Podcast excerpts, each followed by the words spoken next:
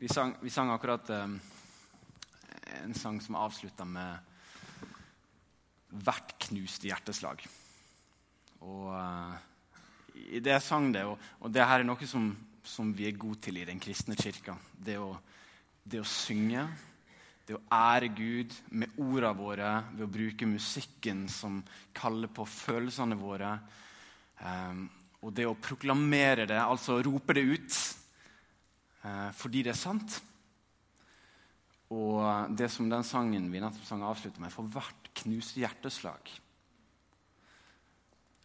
Det indikerer noe om en Gud som er sann. Og i og med at han er Gud, så snakker vi om noe stort. For i gudebegrepet snakker vi om noe som er forklaringa på alt som er. Og forklaringa på hvorfor det er som det er, osv. Og, og samtidig som at Gud fra evighet av har strukket ut hånda til seg sjøl i den evige treenigheten, i fellesskapet som det utgjør, så har Gud også ved lidelseshistoria til Jesus Kristus, den kanskje mest kjente lidelseshistoria i verden, vist at han er opptatt av hvert knuste hjerteslag når han bare ga alt og utånda på korset. Det er derfor misjonssalen fins. Det er derfor noen kirker i det hele tatt fins.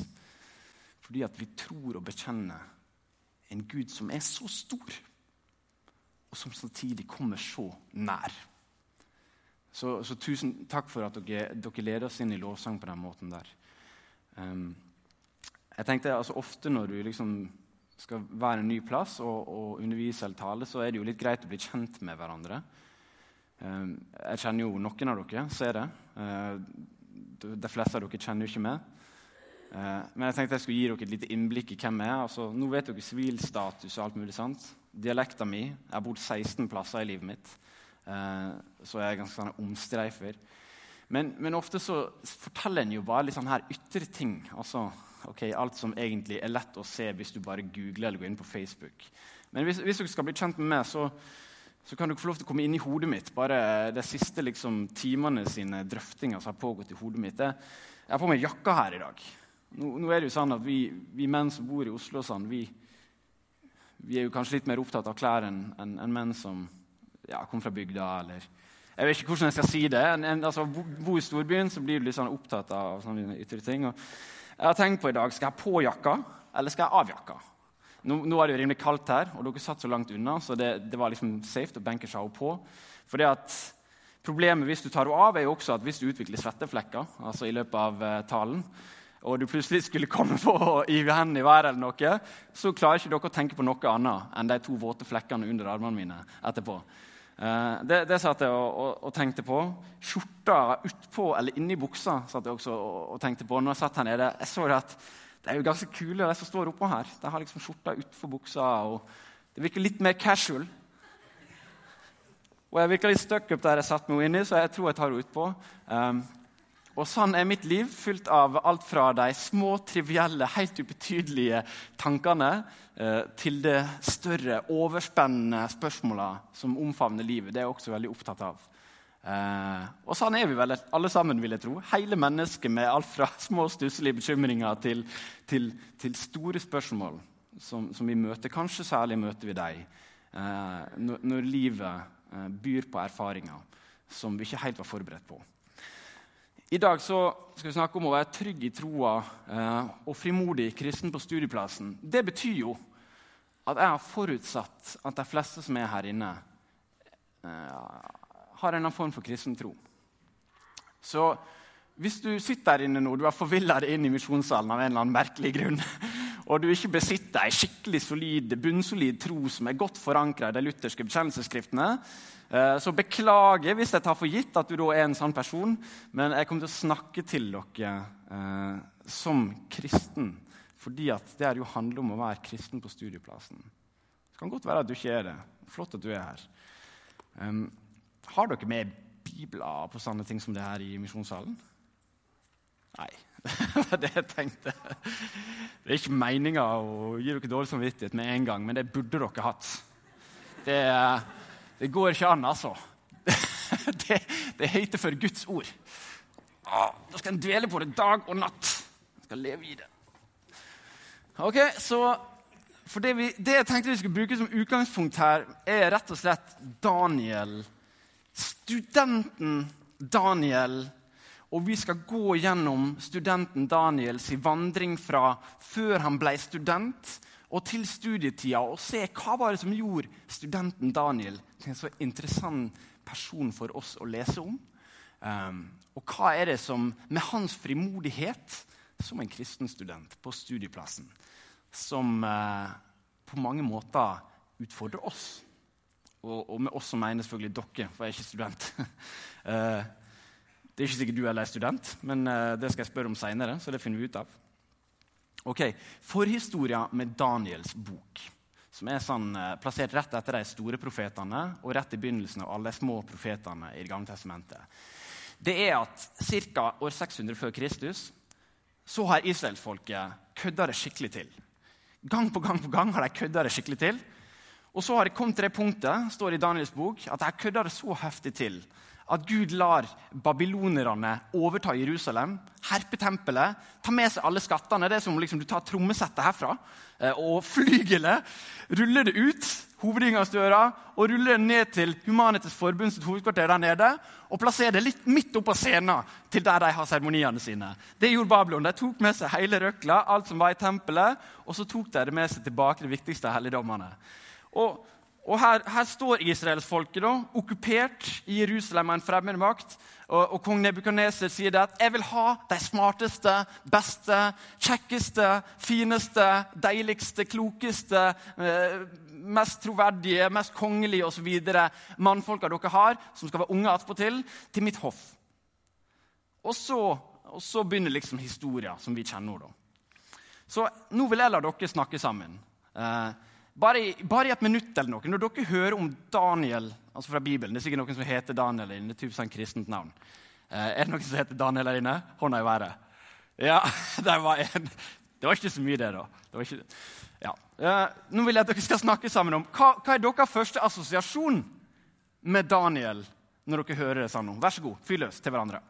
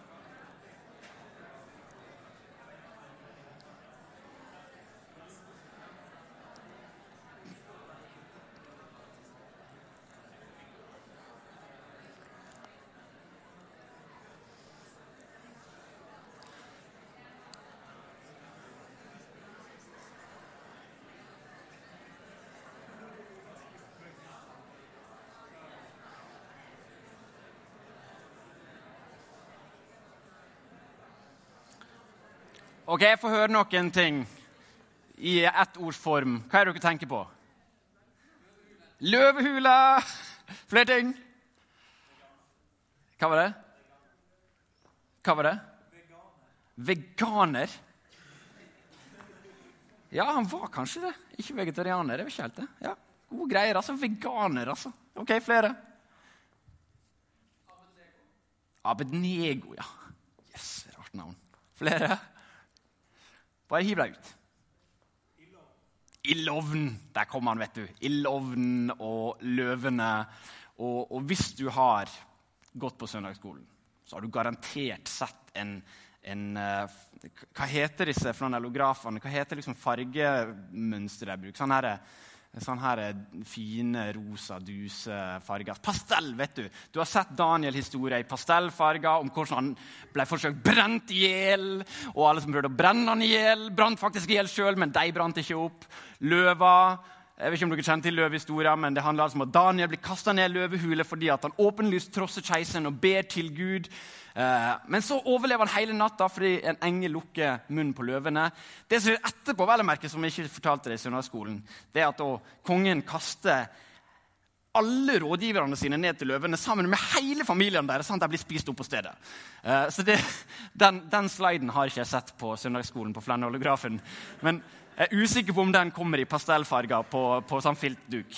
Eh, så, så, Daniel er ei utrolig god historie fordi at den er så grafisk. Du, du ser han som for deg, og det, det, er en så tydelig helteskikkelse. Vi har noen opplagte skurker i han. Det er mange sånne her, eh, høydepunkt i løpet av fortellinga. Og, og, så er det samtidig ei, eh, ei litt rar bok. Så Hvis du leser selve boka, så er det ikke sikkert du gjenkjenner så mye søndagsskolelitteratur. For den er stappfull også av drømmer og, og, og tegn, eller sånn syner, uh, og tolkninger av disse. Og Nesten halve boka består av sånn såkalt apokalyptisk litteratur. Som snakker om de siste tidene. Der Daniel får syner om hva er det som ligger nært fram i tid, langt fram i tid og skikkelig langt fram i tiden. Når Jesus en dag skal komme igjen for å, å holde oss til ansvar. Så det er en bok med mange fasetter. Um, men det er helt i begynnelsen av boka så er det først og fremst en bok om Daniel, Hananaya, Michel og Ashera. Og De får jo da andre navn i løpet av eh, oppholdet sitt i Babylon, men de blir ført fra Jerusalem til hovedstaden i Babylonerriket. Og Da kan vi få opp første, eller neste slide her. Og Det det egentlig de blir ført dit for, er for å studere. Det står faktisk det står faktisk helt presist at de, de skal ha, ta en, et treårig studium. Uh, er skal tredje et studium, det er pensum uh, det er nedfelt av kongen sjøl, Nebukadneser. Og på et eller annet tidspunkt står det i slutten av første kap kapittel 1 så står det at de skal ha eksamen. Og det står attpåtil at de var sånn A pluss-studenter som gjorde det skikkelig bra på eksamen hvis en skal ta overføringsverdien helt ut. Men det her handler om fire menn sitt exodus, sin utreise fra det trygge. Det vil si, du skal ikke dra den for langt. Det er klart det var jo borgerkrig i Jerusalem i en del år før de ble dratt ut av det. Så hvor trygt det var, det vet jeg ikke. Men, men det er iallfall det de kalte hjem. Og enten ditt hjem er trygt eller utrygt. Altså Enten du bærer med deg gode opplevelser med det vi kaller hjem, eller du har dårlige opplevelser med det vi kaller hjem, så er det noe sånn at vi alle kommer fra noe. Vi kommer fra et bakteppe, vi har en historie, vi har en barndom, en ungdomstid. Og gjennom den tida her så, så er det mennesker som har forma oss. Der er, der er fortellinger som er blitt fortalt, som har forma oss. Der er, der er møter og erfaringer i livet som har prega valgene vi tar. Og alle, alle disse tingene her har vært med å, å danne en virkelighetsforståelse som, som, vi sitter med her i dag. Altså, vi, vi ser alle virkeligheten gjennom et sett med briller. Og, og, og om, det, om, det, er virkelig eller ei, det er jo ikke så nødvendigvis så viktig akkurat nå. i hvert fall. For poenget her er å si at vi, vi bærer med oss alle våre historier. Og det gjorde disse fire. Daniel, Hananaya, Michel og Ashera. De bar med seg sine historier.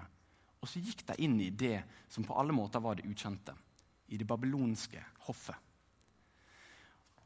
Og Det er ikke vanskelig å se parallellene der igjen. Eh, for de av dere som er eh, studenter eller har vært studenter her inne, så vet jeg ikke om dere husker første skoledag eller studiedag. Men i hvert fall for min del nesten alltid første gang når du skal møte ei gruppe som du vet at disse skal jeg ha noe med å gjøre over lengre tid.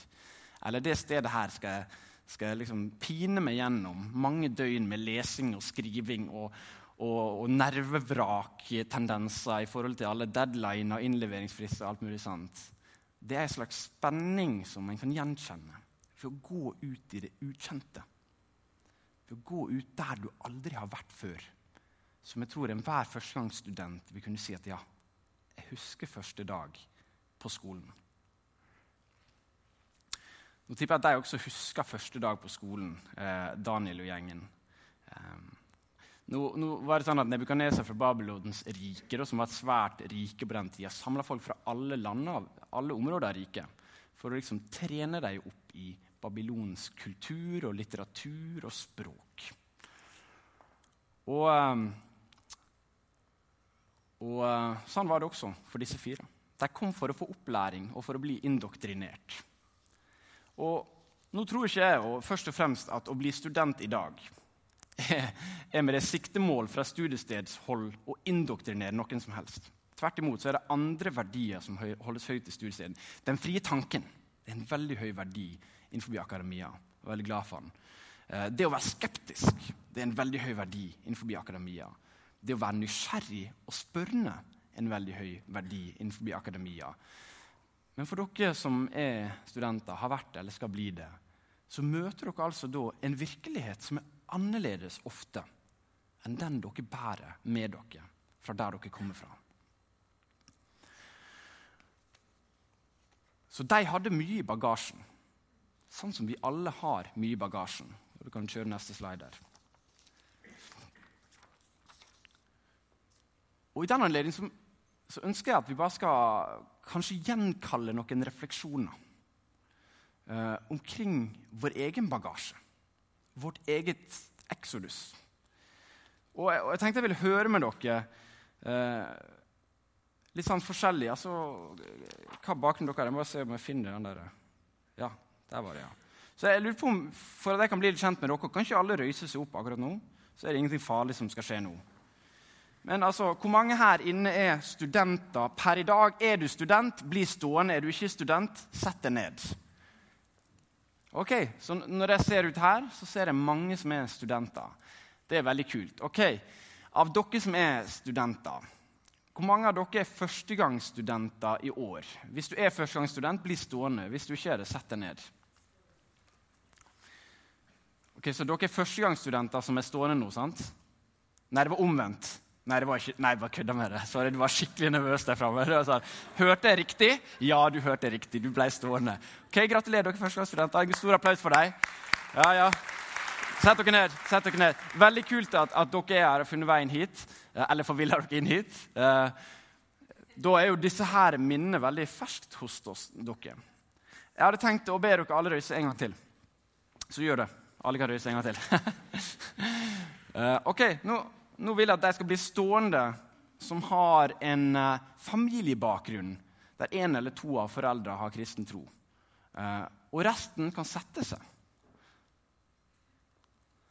Ok, så her har vi en ganske homogen liten gjeng med, med familiært kristne. Veldig flott. Da kan dere sette dere ned igjen.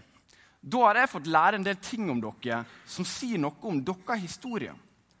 Og det her siste med familie har naturligvis veldig mye å si for dannelsen av hva virkelighetsforståelse vi har. Ok, men, men, Nå skal jeg stille noen spørsmål dere skal slippe å røyse dere for. eller sette dere for. Men mer bare la det dvele ved dere. Jeg skal gi et par sekunds kunstpause, sånn at dere kan tenke på det.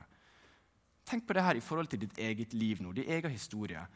Hvor mange her inne har opplevd å få en solid undervisning om sin kristne tro i løpet av barneåra og ungdomsåra.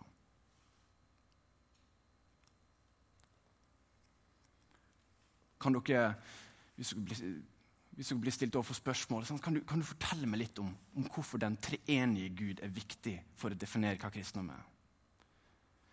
Eller vil dere være i stand til å og, på studiestedet for eksempel, kunne si noe meningsfullt om hva, hva betyr det Jeg skjønner ikke, jeg klarer ikke å gripe det paradokset at, at Kristus er både menneske og Gud. Eller, eller har, dere, har, dere, et språk for sånne ting som at ja, men Gud er allmektig, eller han er evig, eller Gud er bare god, eller Gud er den rettferdige dommer? Når dere får høre disse tingene, hva tenker dere? Har dere hørt det i oppveksten? Er det ord og begrep og, og en virkelighet som dere har et forhold til? Eller er det floskler som en lirer av seg og ikke klarer å fylle med innhold?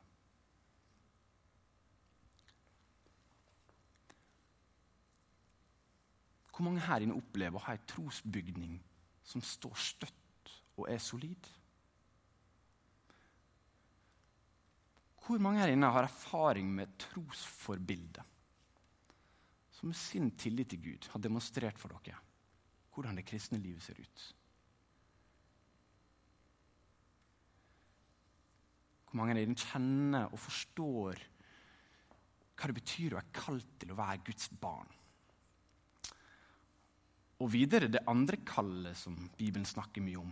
Hva det er spesifikt du er kalt til å tjene til med ditt liv, dine evner og de nådegavene som Gud velger å gi deg. Jeg stiller jo disse spørsmåla fordi jeg ønsker at vi som er kristne, skal ha et bevisst forhold til deg. Og så tror jeg at virkeligheten ofte er at disse tingene er et språk som ikke alltid har fylt med innhold for oss. Det er ikke sikkert dere har den samme erfaringa. Men min erfaring i hvert fall, som, som mangeårig bibelskolelærer, og nå når jeg jobber i laget, og når jeg har vært rundt i mange menigheter, er at ok, en vet ikke alltid hva en tror på. En er rett og slett ganske shallow i hele trosbygninga si. Så når vi står overfor den virkeligheten at studenter forlater kirka I USA, som jeg studerte i for, for et par år siden, så, så snakka en om at 70% av de som bekjente seg som kristne eh, i ungdomstida, og som tilhørte et fellesskap på et eller annet tidspunkt, 70% av de menneskene i løpet av studietida forlot kirkefellesskapet. I Norge så har en lignende undersøkelser. Vi har ikke like omfattende undersøkelser, men det er mange ting som tyder på at også her i Norge så er det et eller annet med møtet med studentvirkeligheten som smeller for troa og som gjør at hun bare kollapser. Som det norske landslaget i langrenn. nei da. Jo da. Nei da. Jo da. og jeg husker første gang jeg innså for en del år siden hvor mange av mine barndoms- og ungdomsvenner som kalte seg kristen, som ikke kom til å gjøre det lenger når de ble student og voksen. Og en del av dem kom kanskje til å slutte å kalle seg kristen på et frimodig vis, men beholde en slags tro. Men noen av dem kom også til å bli aktivt, aktivt imot det. Og jeg husker hvor det skar i hjertet mitt.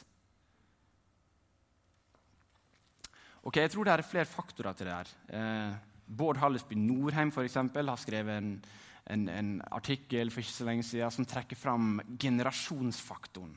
Det at vi er en gjeng med generasjon Y som sitter der inne, millenniumsgenerasjonen, og det er et sånn typisk trekk ved vår generasjon at vi forsvinner fra alle disse her organiserte religiøse overbygningene. Så vi har behov for å være vår egen kirke. Vi vil sjøl definere hvordan vårt kirkesamfunn skal se ut. Og Derfor så står vi uten tilhørighet. Det er et sånn typisk trekk for vår generasjon. og Man bruker det her begrepet om den generasjonen som det er vår kirkes akilleshæl. For vi vet ikke hva skal vi gjøre med det. En, en annen forklaringsfaktor på det her, som er behjelpelig og som er ganske opplagt, dere har sikkert tenkt på det selv også, det er at når du flytter hjemmefra, så er du i åpenbart brytningstid. Du går fra noe som har vært, og så går du inn i noe som skal bli. Og i det som skal bli, så er det du som står ansvarlig for hva det er.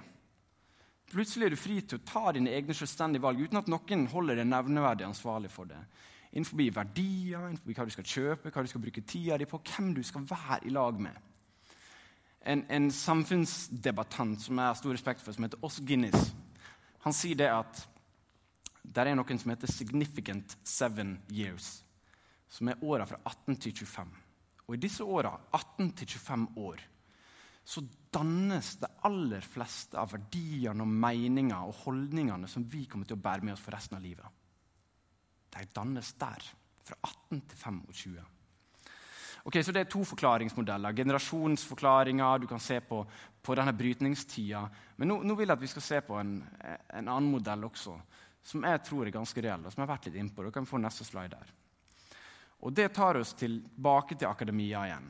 Og Jeg har jo brukt det her begrepet at de var studenter osv. Dere tenker kanskje at det er flåsete, men, men uh, var det jo. Der var det bare i en annen forstand. De ble tvunget dit. De har ikke noe valg. De måtte bli studenter. Og det har jo mange av oss ikke heller. Skal vi få oss jobb, så må vi nesten bli studenter. Uh, så vår vandring fra Jerusalem til Babylon er at vi må få oss jobb. Um, videre så var de under en opplæring som hadde en streng plan, en hadde pensum, det var et mål. En skulle oppnå en viss visdom klokskap til å kunne være eh, kongens rådgivere. Og eh, bare for å ta denne parallellen aller først Det, dere, eh, det de var på, var det fremste universitetet i hele Babylonsriket. Og vi har noen av dem. Vi har Harvard, Oxford, Fjellhaug. Disse her toppuniversitetene der bare alle sikter dit. Det er sånn at Alle må inn på en av dem hvis du skal ikke være noe i eliteverden. Altså. Uh, er det noe, er det noe Harvard- eller Oxford-studenter her? Nei? Fjellhaug-studenter her? Ja. ja, det var det. ja. Det er jo helt utrolig. Da sitter vi med eliten her inne. Um, Morsomt med Oxford da, som, som utdanningsinstitusjon så ble den etablert ganske sånn tidlig på 1000-tallet, rundt 1050. Uh, nei, hva er det jeg sier? 1250. Og de har det her fortsatt en dag i dag. Fra gammelt av og helt til nå så har de det latinske ordtaket som heter da Dominus illuminatio mea. Som er begynnelsen på Salme 27. Herren er mitt lys. Så i verdens fremste utdanningsinstitusjon så er det en dag i dag ordtaket som da står i toppen av denne takmøna. Herren er mitt lys. Det er fantastisk. Det sier jo noe om hvor akademia kom ifra. Da det først kom til i den form vi kjenner det i Europa, tidlig på 1000-tallet. Det, det, var en måte å ære Gud på. Det å utforske hvordan henger naturen og universet og virkeligheten og det som vi kjenner sammen. Det er fantastisk å tenke på egentlig at det som mange tenker på i dag, kanskje, som en av de mest krevende plassene å være kristen, et av de steder der du opplever mye motbør pga. troa di. Og, en del opplever kanskje også utfrysning, nærmest. At de ikke blir tatt faglig alvorlig og seriøst hvis de er kristne. Det som i dag er alle disse tinga, begynte i sin skarve begynnelse og gjennom alle århundrer som fulgte, som noe som skulle ære Gud med tankene sine. Det er fantastisk å tenke på den historien, for den tror jeg resten av verden har glemt. Så der må vi bare minne oss på, åpne historiebøkene fra tid til annen og se hvor, hvor kommer det her fra. Men, men det her leder oss jo til, til denne tredje utfordringa som gjør at mange mister troa. Og jeg tror det er så enkelt som at sånn som her inne Alle kommer fra kristne hjem. Det er utrolig flott. For en velsignelse. Du, så nydelig det er. Men tenk hvor mange som kommer fra en virkelighet der deres forståelse av virkeligheten har bare stått helt ubestridt. Det har ikke vært noen spørsmål som har vært vanskelig, som du har møtt, som har tippa ting eller velta ting. For de du har omgått med, de har stort sett meint det samme og delt de samme oppfattelsene osv. Og, og i hvert fall den nærmeste familien. Og så kommer en da inn i studievirkeligheten der en i beste fall møter en skepsis til kristen tro. Og i verste fall møter professorer og medstudenter som ønsker å ta det pga. de kristne tro. Og hva skjer? Hva skjer med folk som alltid har vært kristen fordi alle andre har vært kristen, når de plutselig møter reflekterte, kloke, anerkjente, dyktige, langt faglig sterkere mennesker enn seg sjøl? Og attpåtil ikke bare én eller to eller tre, men brorparten av hele miljøet. Hva skjer med en realiststudent i møte med denne fantastiske viten som en treffer innenfor eh, realistsjangeren og akademia? Og hva skjer når samme folka samtidig sier at nei, kristen tro det er jo noe uvitenskapelig overtro? Eller hva skjer med, med et eller annet psykologistudenten eller, eller sosialantropologistudenten som skal inn i humaniora, og som skal inn og, inn, og, inn og, se på hvordan mennesker lever i ulike kulturer, og folk har holdninger, og religioner oppstår og faller osv.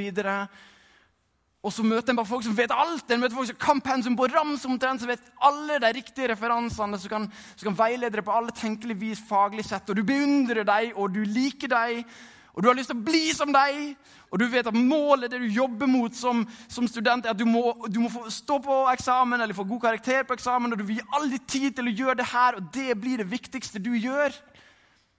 Og så forteller jeg i neste omgang at kristendom er du en sann en? For en dust! Nei, jeg sier ikke sann nå. sier mye mer. Og når jeg sier deg nå, så er det ikke liksom en stor masse av folk som gjør akkurat det samme. Nå, nå drar jeg fram ett eksempel. Men det du veldig ofte møter der, det vil være OK, det er bare ikke relevant. Eh, det er bare ikke relevant.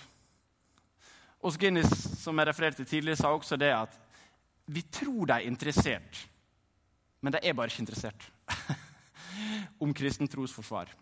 Og Apropos den helga her nå, når dere skal ha kristent trosforsvar, så vær obs på det at Spørsmålene dere stiller, er gode, og det er viktig for at vi skal bli trent i å forstå vår egne kristne tro. Men sannheten er at aller fleste er ikke så veldig interessert i å snakke om de samme spørsmålene. Så du må vinne troverdigheten for å kunne komme inn på disse spørsmålene overhodet. Og hvor med en være da for å vinne troverdigheten? En må stå i det med en identitet som holder, på tross av at det blåser litt av og til. Men det er veldig mange kristne som kommer fra homogene bakgrunner der det gjerne har vært litt sånn antiintellektualisme, og en skal ikke tenke for mye og stille spørsmål for mye, tvile for mye. En møter den virkeligheten, og så, og så var det en trodde var ei tro bygga på solid fjell. Det var ikke engang ei tro bygga på sand. Det var ei himla tro bygga i kvikksand. Og i løpet av første semester så har vakuumet sugd opp hele troa di, og så står du der igjen. Med en helt ny orientering i livet. Og jeg ser det skje gang på gang på gang på gang. Og kanskje skjer det med noen av dere her inne akkurat nå. Dere er midt i den prosessen der dere har gått fra det første skrittet til å bli introdusert for det her, til å gå på mellomveien der dere nå gjemmer dere hver gang noen snakker om tro. Dere er flau. Dere kjenner på blygselen i forhold til at noen overhodet tar det opp. En eh, journalist, Morten Schwenke, skrev veldig godt om det faktisk Universitas like før sommeren. Hør på det sitatet her og se om noen gjenkjenner seg. hvis dere har vært på nachspiel noen gang nå. De fleste skjønner vel at kristendommen bare skaper problemer. En diskusjonskåt filosofistudent har brutt regel nummer én for et vellykket nachspiel og brakt temaet religion på banen. Blikkene suser i retning av rommets eneste person med kristne foreldre, en gjennomsnill sørlandsjente. Forsamlingen holder seg fast som når en ballong holder på å sprekke. I redsel for at hun, som alle egentlig digger, skal begis ut på en argumentasjonsrekke full av hull forankret i Bibel og overtro, og alle puster letta ut når hun tier stille. Jeg vet ikke om dere gjenkjenner dere, men jeg gjenkjenner meg sjøl. Den gangen du bare sitter der og du vet at nå blir det tatt opp, og det er med et negativt fortegn, og du bare vet at det er én ting jeg vil mer enn alt annet akkurat nå. Og det er å krympe og bli liten og usynlig. For jeg bare orker ikke å stå i en diskusjon eller måtte forsvare noe som jeg egentlig ikke vil forsvare, osv. Og, og så kommer en til der etter hvert, når en opplever det mange nok ganger. Når du kanskje opplever det fra auditoriumsstolen du sitter i også. At han som sitter og underviser det, forteller akkurat den samme historien tro er bare overtro.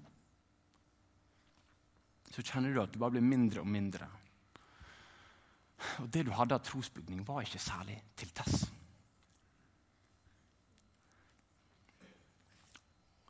Og det er første skrittet på vei til søndagstro. Kanskje noen her inne er på søndagstro-stadiet allerede. Du har egentlig slutta å snakke om identiteten din ellers i uka. Men når du er her, så er det iallfall tross alt trygt å være i det miljøet som du alltid har vært i. Å høre det språket du alltid har hørt, og være med folka du vet hvordan du skal opptre sammen med. Hvis det er blitt sånn i ditt liv som kristen at du aldri snakker om din egen tro med noen andre som ikke deler henne Hvis det er sånn at du som student krymper det og forsvinner ned i stolen hver gang det som vi kaller når vi synger lovsangen vår, for verdens håp, verdens lys han som gir alle ting mening. Hvis du krymper deg i stolen på hans vegne, så kan jeg garantere deg at hvis du lar det forbli den tilstanden, så er du ikke bare på vei mot søndagstro, deltidskristendom, men da er du på vei til å forkaste hele greia. Det er ikke så rart. Altså, Jakob snakker om det her sånn at og, og, Når vi snakker om synd, så snakker vi ofte om tinga vi gjør. sant? Gjerne ting vi gjør innenfor det seksuelle domenet, eller uh, drepe ting, eller folk mener, eller vi, eller vi gjør noe teit noe. Men synd i Bibels forstand, det er én ting. Det er å ta avstand fra Gud. Hele overordna historien til Bibelen handler om at synd er å isolere seg i seg sjøl. Luther snakker om det som at du er innkrøkka i deg sjøl. Du har en innkrøkt vilje. Og vet du hva synd Det er virkelig ikke gode nyheter. For hva er det synd fører til? Det fører til sjølsentererthet. For når du blir innkrykka i deg sjøl, så blir du opptatt av deg sjøl, og du blir sjølsenterert. Det er det synd er. Det å bli opptatt av seg sjøl. Og la det bli orienteringspunktet for resten av livet. Mens frelse er det frigivende ved at Gud, som på ingen måte er opptatt av seg sjøl, men som fra evighet av, i treenigheten, har strekt ut hendene til hverandre. Også ved korset strekker ut hendene til oss. Hvis du slutter å tro på det her, og du krymper det og skammer det over evangeliet, så er det ikke sånn at alt håp er borte. For jeg tror ikke at evangeliet nødvendigvis er så usammenhengende, ulogisk, vanskelig som det kan virke når det tross alt er ganske upopulært. Så kan du ta på neste. Som leder meg til en slags konklusjon, iallfall i forhold til sånn som jeg har tenkt om det her. at det, ok, Hvorfor faller så mange ifra? Jo, jeg tror det er fordi at en har dårlige trosbygninger. Jeg vet bare ikke hva en tror på. Og En er iallfall ikke klar over at en av Norges mestselgende bøker er en bok som heter 'Jeg vet på hvem jeg tror'. For det gjør en bare slett ikke. En vet ikke hva en tror på, fordi at en har bare ikke brydd seg med å ta tida til det, eller lært av noen å ta tida til meg. Som leder meg til det andre poenget her. Tillit. Og jeg vet ikke om dere har leser mye Daniels bok, men det er alltid sånn når du leser historie med litt sånn friske øyne, så oppdager du noen nye ting. Og det som er oppdaget med Daniel i kapittel 2, vers 16, det er og, og bare la meg, la meg, skape et bakteppe her. For Bakteppet er at Nebukaneser, kong Nebukaneser, som var en rimelig uforutsigbar kar, hadde hatt en drøm. Og han sa det at hvis ikke dere, sa han til alle vismennene og kloke folk og rådgivere i hele hoffet sitt Hvis ikke dere forteller meg både drømmen og tydninga, så skal jeg hugge dere i biter, og husene deres skal jeg legge i grus. Det er forteppet. Og det her har Nebukadneser stått og proklamert. Og det du kan proklamere som keiser i Babylon, det kan du ikke trekke tilbake. Så når det er proklamert, så må det holde stand. Så du blir hugd i biter, og huset ditt blir knust hvis du da sier feil. Og hva er det Daniel gjør? For Jeg har alltid tenkt at ja, men han har jo tolkning allerede. Og så bare forteller han Nebukaneser om drømmen som han hadde. Men det Daniel gjør, er at det står i, i, i kapittel 2, vers 16 at Daniel gikk da inn og ba kongen gi han en frist. Så skulle han tyde drømmene for han. Så han gikk inn og ba om å få en tidsfrist, en deadline på tid han trengte drømmene før han skulle hugge han i biter og knuse huset hans. Jeg synes det er kjempemorsomt. På en makaber måte, selvfølgelig. Så her står Daniel sammen med de tre vennene sine i det som er det første studentlaget gjennom historien. For meg som jobber i skole- og studentlagsbevegelsen, så er det derfor av ekstra interesse. Og hva er det han gjør? Jo, han går til gjengen sin.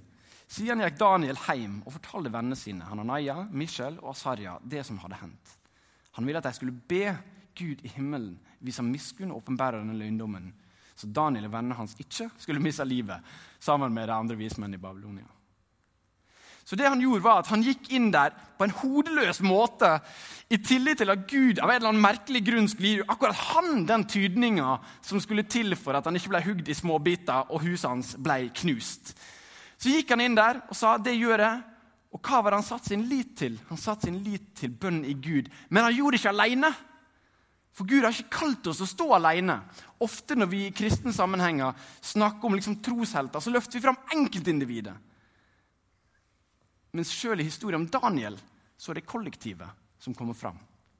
Han går tilbake til vennene sine.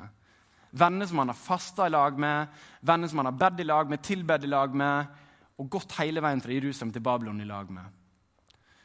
Når dere er studenter, førstegangsstudenter, så kan jeg garantere dere at hvis dere blir prøvende å stå helt mutters alene på studiestedet med troa deres, så vil det være en formidabel og unødvendig utfordring. Hvorfor ikke heller bare søke til fellesskap med andre?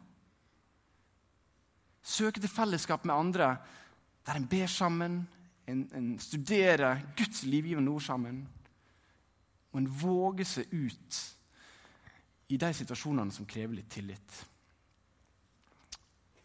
En tro som henger sammen. Altså en tro som, som du faktisk forstår på mange områder. Gir grunnlag for tillit. Og tilliten, den vokser når du erfarer at det funker. Jeg vet jeg har holdt på lenge nå, så jeg skal bare holde på fem minutter til. Slapp av, dere som begynner å bli lei. Og Daniel 2,16 er et eksempel på tillit. Jeg kjenner mange eksempler fra studentbevegelsen også som er eksempel på tillit. I Trondheim for eksempel, så var det skepsisuke eh, for litt siden. Og På skepsisuka så hadde de Grill en kristen, som dere skal ha her i morgen. En ypperlig anledning til å stille spørsmål og, og få responser på disse spørsmåla. Men Grill en kristen ser nok litt annerledes ut uh, på NTNU enn det ser ut akkurat her. Grill en kristen på NTNU det er å stikke fram huet, og så kan du garanteres at noen kommer til å prøve å hugge etter huet ditt. Fordi det er bare strengt tatt er veldig mange som er dypt, dypt uenige med det. Og mange som har behov for også å ytre det og stille spørsmål ved det. Så gjorde jeg det her på NTNU. Der hadde grillen kristen. Det kom masse folk. Og så er det ofte det som skjer, er at, at litt sånn som nå. Der står en allviter på scenen skal, skal, gi alle svarene. Så sitter, sitter resten i salen, og så blir en litt sånn OK. Og så går en etterpå. Men det nydelige som de gjorde der oppe, var at alle som tilhørte studentlaget, det var vel en 15 stykk omtrent i det studentlaget som arrangerte Grillen kristen, tok på seg T-skjorte for å gjøre seg til kjenne, satte seg rundt omkring i salen. Og så fortsatte de Grillen kristen når de var ferdig fra scenen. Så de fortsatte å snakke sammen omkring tro. Og en av de som, av de som kom i samtale, kom i samtale med en som var ateist, uttalt ateist. Det er ikke alle som er det av ateister. De, er liksom sånn, mer sånn, de tilpasser bare det som måtte være liksom, den rådende holdninga til enhver tid. Men, men, det også ganske mange som er bevisste ateister, som har tatt et standpunkt. Og han her hadde lest Bibelen to ganger, og han hadde funnet ut nei, det var ikke for meg. Og Så ble han sittende der og prate med en kristen for aller første gang om de spørsmåla som han hadde båret inne på. For han hadde ikke gjort det i fellesskap med noen. Og hva skjedde med den kristne studenten fra studentlaget, som aldri før hadde snakka med en ateist heller? Jo, han bare eksploderte i erfaringsdatabasen sin. Det bare det imploderte. Det var bare sånn, yes, Første gang får han erfare noe. Og for første gang får du erfare at, du faktisk, at det faktisk ikke er så sinnssykt farlig. Det er bare rett og slett ei, ei nyttig erfaring. Og han sa det at som kristen så bevegde han i den retninga som Gud for evighet har kalt oss til å bevege oss i. Ut til hverandre. Og for ateisten så uttalte ateisten at vet du hva? Det her var interessant. Det her vil jeg vite mer om. På et seminar som var på Universitetet i Agder bare for noen dager siden, nei, ikke dag, noen uker siden, så, så, var det et tema, et ganske kjedelig tema. Jeg vet ikke hvor god undervisninga var heller. Men etter temaet var det en samtale litt på samme måten. Og Han som hadde vært ansvarlig for kveldene, det gikk da bort til ei jente som han ikke hadde sett før, og sagt hei, det har jeg ikke sett før. Han forventa ikke så stort mye. Men uh, det han fikk, var fra jenta umiddelbart når han henvendte seg til henne det er lenge siden jeg bestemte meg for å forlate Jesus. Men i dag ble jeg ført mange skritt tilbake igjen. Og sånn historie er det massevis og lassevis av. Av når kristne studenter våger, til tross for den liksom massive motstanden som jeg tror en del vil oppleve at de står i Når en tross alt våger å ta skritt i tillit og det trenger ikke være sånn 'ellers hogger jeg deg i småbiter og knuser huset ditt' type skritt i tillit. Det kan begynne med litt mindre skritt i tillit. Til at Gud er den han er. Og til at Gud er den som ved sin ånd også legger ordene i munnen din når du trenger dem. Når vi gjør det, så skjer det noe med troslivet som bygger det opp. Så vokser det fram noe. En stolthet og en samhørighet. Du kan ta på siste sliden.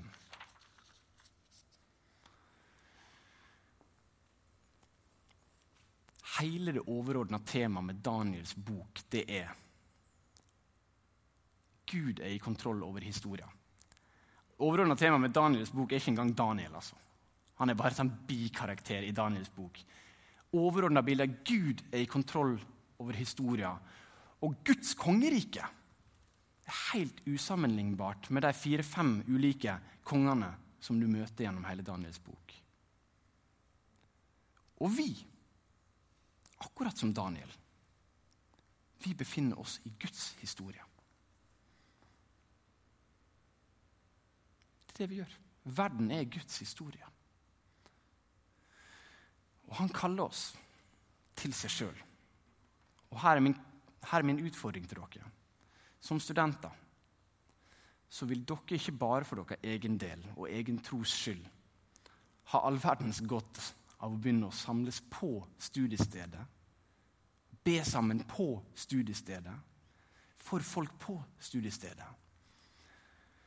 Dere vil ikke bare ha godt av det å for egen tros skyld lese Bibelen sammen på studiestedet, eller bare spise sammen på studiestedet, men for alle andre mennesker som dere omgås daglig, som er umistelige for Gud, men fortapt uten Kristus, så vil det bety all verdens forskjell dere tar mot til dere av historier om Daniel, de andre i Bibelen som også feila gang på gang, men som ble helter fordi det er Gud som er i kontroll av historien. Så la oss bruke denne helga her til å fikse på trosbygninga til en del, til å bygge den enda sterkere og la Gud virke med sin ånd. Men la oss etter den helga her søren meg sørge for at det ikke blir en sånn implodering av himla kunnskap, men at det fører til handling fordi at alle mennesker er umistelige for Gud og fortapt uten Kristus. Så jeg håper at dere sammen med, sammen med studenter og skoleungdom over hele landet, i over 220 lag, vil være med på en felles bevegelse der vi som kirke ikke er oss sjøl nok, men der vi ønsker å gjøre Jesus trodd, elska og etterfulgt. Gode himmelske Herre, jeg takker deg for at du har vært fra alle tider. Du kommer alltid til å være, og at eh, du er konge på en annen måte enn de konger som vi kjenner. Og um, jeg takker deg, Gud, for det at du har satt sånne eksempel i historien som Daniel, som viser oss hvordan hans frimodighet i ditt navn var med på å faktisk forvandle et helt kongerike fra tid til annen. Og Jeg takker deg for alle historiene Herre, om mennesker som du utruster til tjeneste og frimodiggjør i dag. Og at du ved din ånd, mot alle odds, egentlig, altså, rundt omkring på studiestedet i Norge, røyser opp vitner som forteller klart og tydelig hvem de tror på, hvem de følger og legger hele sitt liv i. Og viser med offerviljen sin også, Herre, at det her betyr noe for dem. Det er ikke død teori. Jeg takker deg for alle de i historien her, og takker deg for alle her inne. Takk for de som har bærer med seg troa fra barnsbeina av. og Jeg takker deg for de som har beholdt troa også gjennom denne studenteksoduset, som for mange i vår tid kan være så krevende. Og jeg ber om styrke og innsikt for oss i dag. Styrke til å våge å stå i det, i tillit til at du er den du er og innsikt til å forstå mer av akkurat hva det betyr. Sånn at vi ikke bare for vår egen del her kan bli i stand til å forklare det og fortelle det til andre og dele det som gode nyheter, men fordi at det er sant. Jeg ber deg, Herre i Jesu navn, om at uh, i kjølvannet av at du handler her nå i dag, så må mange få erfare en fornya frimodighet på dine vegne. Det ber vi om, kjære far, i Jesu navn. Amen.